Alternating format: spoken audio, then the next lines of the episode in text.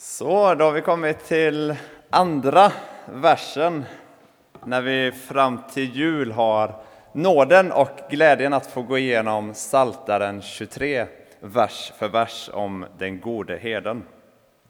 Och det är en psalm som var skriven av David, vars liv hade så mycket glädje och framgång, men som också var präglat av så mycket smärta, sorg, djupa dalar och personliga misslyckanden.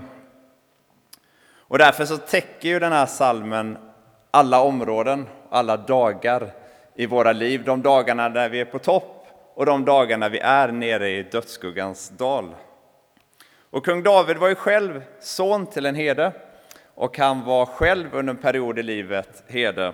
Så han eh, skrev med stor erfarenhet den här salmen. Och vid förra tillfället så konstaterade vi att eh, får, precis som vi människor, är svaga och eh, bräckliga. De är envisa och rädda och eh, följer gärna mängden även om de är på väg åt fel håll. Och vi läste att de var helt beroende av en god herde som vårdar dem, leder dem, sätter gränser och är beredd att ge sitt liv för dem. Och Jesus, han är den här gode herden som gav sitt liv för oss. Han har visat att han är en trofast herde. Och nu står det att vi får tillhöra honom, vi får säga Herren är min herde. Och så nämnde vi det här med att herden märkte fåren med ett märke i örat för att visa att de tillhörde den här herden genom livet. Och på samma sätt så har ju Jesus märkt oss i dopet att han är vår herde som vi får vandra i en livslång gemenskap tillsammans med. Och då kommer vi till vers 2 där det står Han låter mig vila på gröna ängar. Han för mig till vatten där jag finner ro. För att ligga ner och vila så behövdes det ett antal perfekta förutsättningar för fåret. Det är att det ska inte finnas någon fruktan, ingen irritation inom flocken, inga insekter och inga hungerskänslor. De här fyra områdena behöver vara perfekta för att ett får ska kunna ligga ner och vila. Och tyvärr för fåren så är det så att de klarar inte det här själva. De är ju i sig själva rädda och kan inte bli fria från fruktan. De kan inte själva smörja sig med insektsoljan som behövs. De kan inte lösa de dåliga relationerna inom flocken eller själva finna den mat som behövs.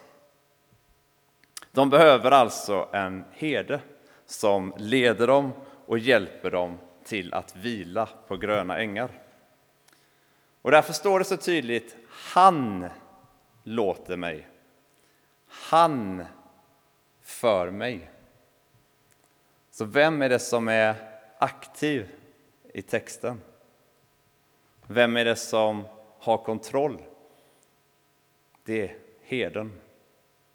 Och det första var att de behövde vara fria från fruktan.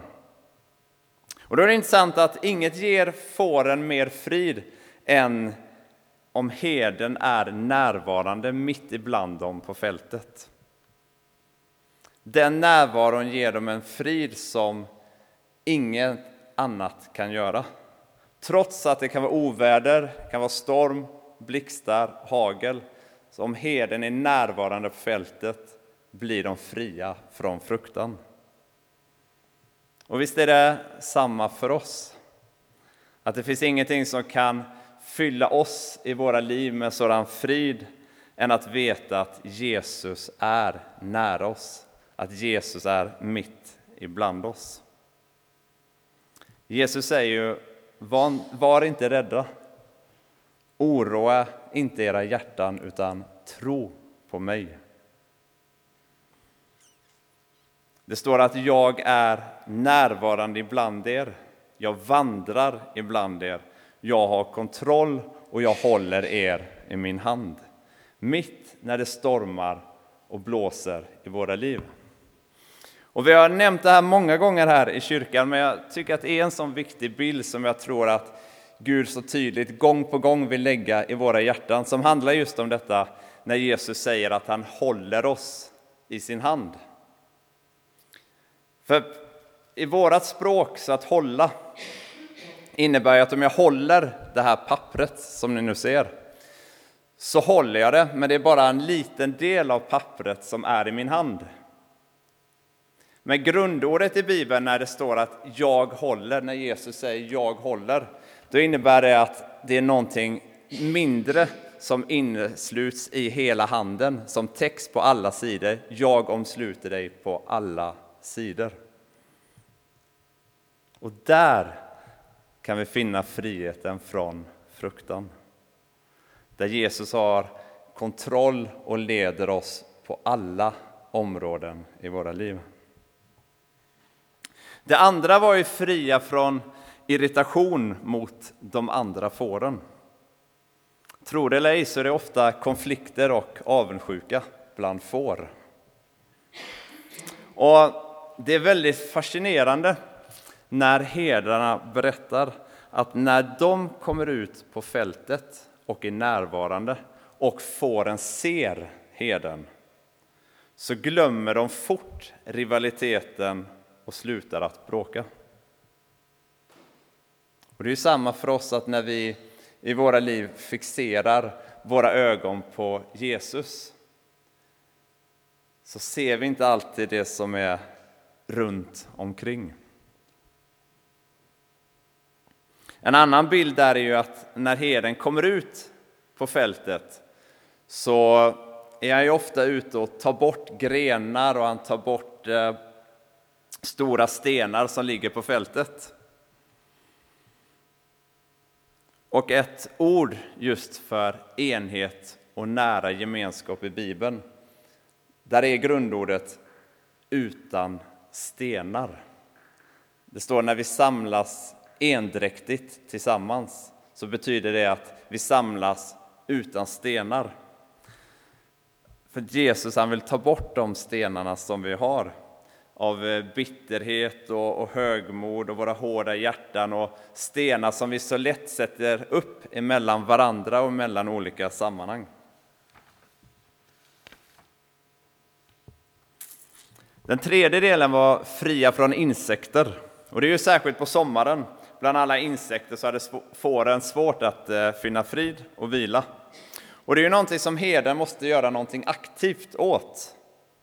Precis som vi idag kan ta myggmedel så var det på samma sätt förr att herden kunde smörja fårens huvud med en olja. Och det här är någonting som vi kommer komma till senare i Saltasalmen där det står att Herren smörjer vårt huvud med olja. Och det är någonting som kunde vara både arbetsamt och kostsamt för herden. Och någonting som han dagligen behövde göra. Precis som Jesus varje dag vill fylla på oss i våra liv med, med ny olja, ny kraft, nytt av den heliga Ande. Och så slutligen så behövde de vara fria från hunger innan de kunde lägga sig ner och vila på ängen. Och det var mycket kraft som krävdes av herden för att skapa ett grönt fält. Ni som har varit i Israel, ni vet att det kommer inte ett grönt fält bara av sig själv. Utan varje gång man ser ett grönt fält i det klimatet så vet man att bakom det så ligger ett hårt arbete av herden.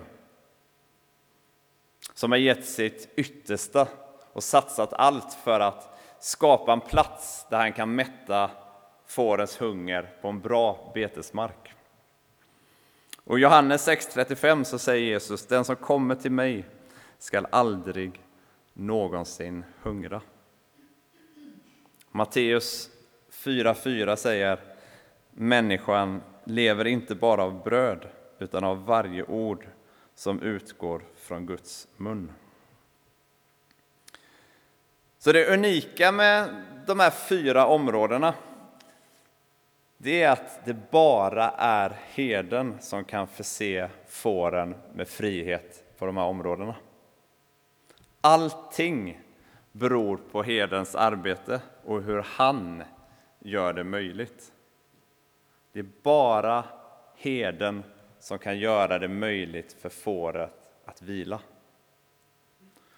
Och, och, när vi har sett allt det här så kan vi nog ana den här tillfredsställelsen hos herden när han har satsat allt och gjort allt det här när han ser sina får ligga och vila på den gröna ängen. Och kan vi då ana Guds tillfredsställelse när vi vilar på hans gröna ängar? De ängarna som vi själva inte har skapat eller själva på något sätt förtjänat, utan bara är en gåva. Så kommer vi till sista delen i versen där det står att han för mig till vatten där jag finner ro. För när får är törstiga så blir de precis som alla andra rastlösa och ger sig iväg själva för att försöka hitta vatten som kan släcka törsten. Och om de då inte blir ledda till en bra källa så finner man dem ofta vid smutsiga källor där de dricker vatten som är fullt av smuts och dåliga ämnen. Och det påminner ganska mycket om oss människor. Då. Att vi, när vi försöker fylla den törst som vi har med någonting annat än Gud. I Jeremia 2.13 så står det att de har övergett mig, källan med det levande vattnet, och gjort sig usla brunnar som inte håller vatten. För det är bara herden som vet var de bästa platserna för vatten finns. Det är han som för fåren dit. Och även här så är det herden som gör allt. Han för mig, står det. Han går före. Han visar vägen. Innan kurvorna så säger han sväng här. Vid klippkanten så säger han var försiktig här. Jag går före, jag leder. Och Jesus gör det så tydligt att det bara är han som kan släcka människans törst. Johannes 4.14 Den som dricker av det vatten jag ger honom skall aldrig någonsin törsta. Det vatten jag ger blir en källa i honom med vatten som flödar fram till evigt liv. Johannes 6.35 Den som tror på mig skall aldrig någonsin törsta. Johannes 7.37 Om någon är törstig, kom till mig och drick. Och så avslutningsvis, så en liten hälsning tror jag från Gud här.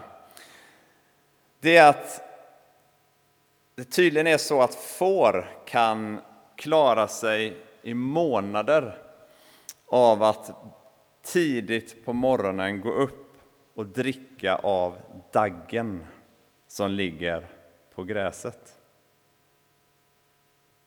Och kanske är det en hälsning till oss att det första som vi får göra i våra liv på morgonen när vi vaknar och en ny dag väntar, att få stilla oss, dra oss undan, bara fyllas med Guds ord, fyllas med den heliga Ande, hans levande vatten. Att under en kort stund bara få vara vid det här klara vattnet som bara Jesus kan ge inför varje dag. Amen.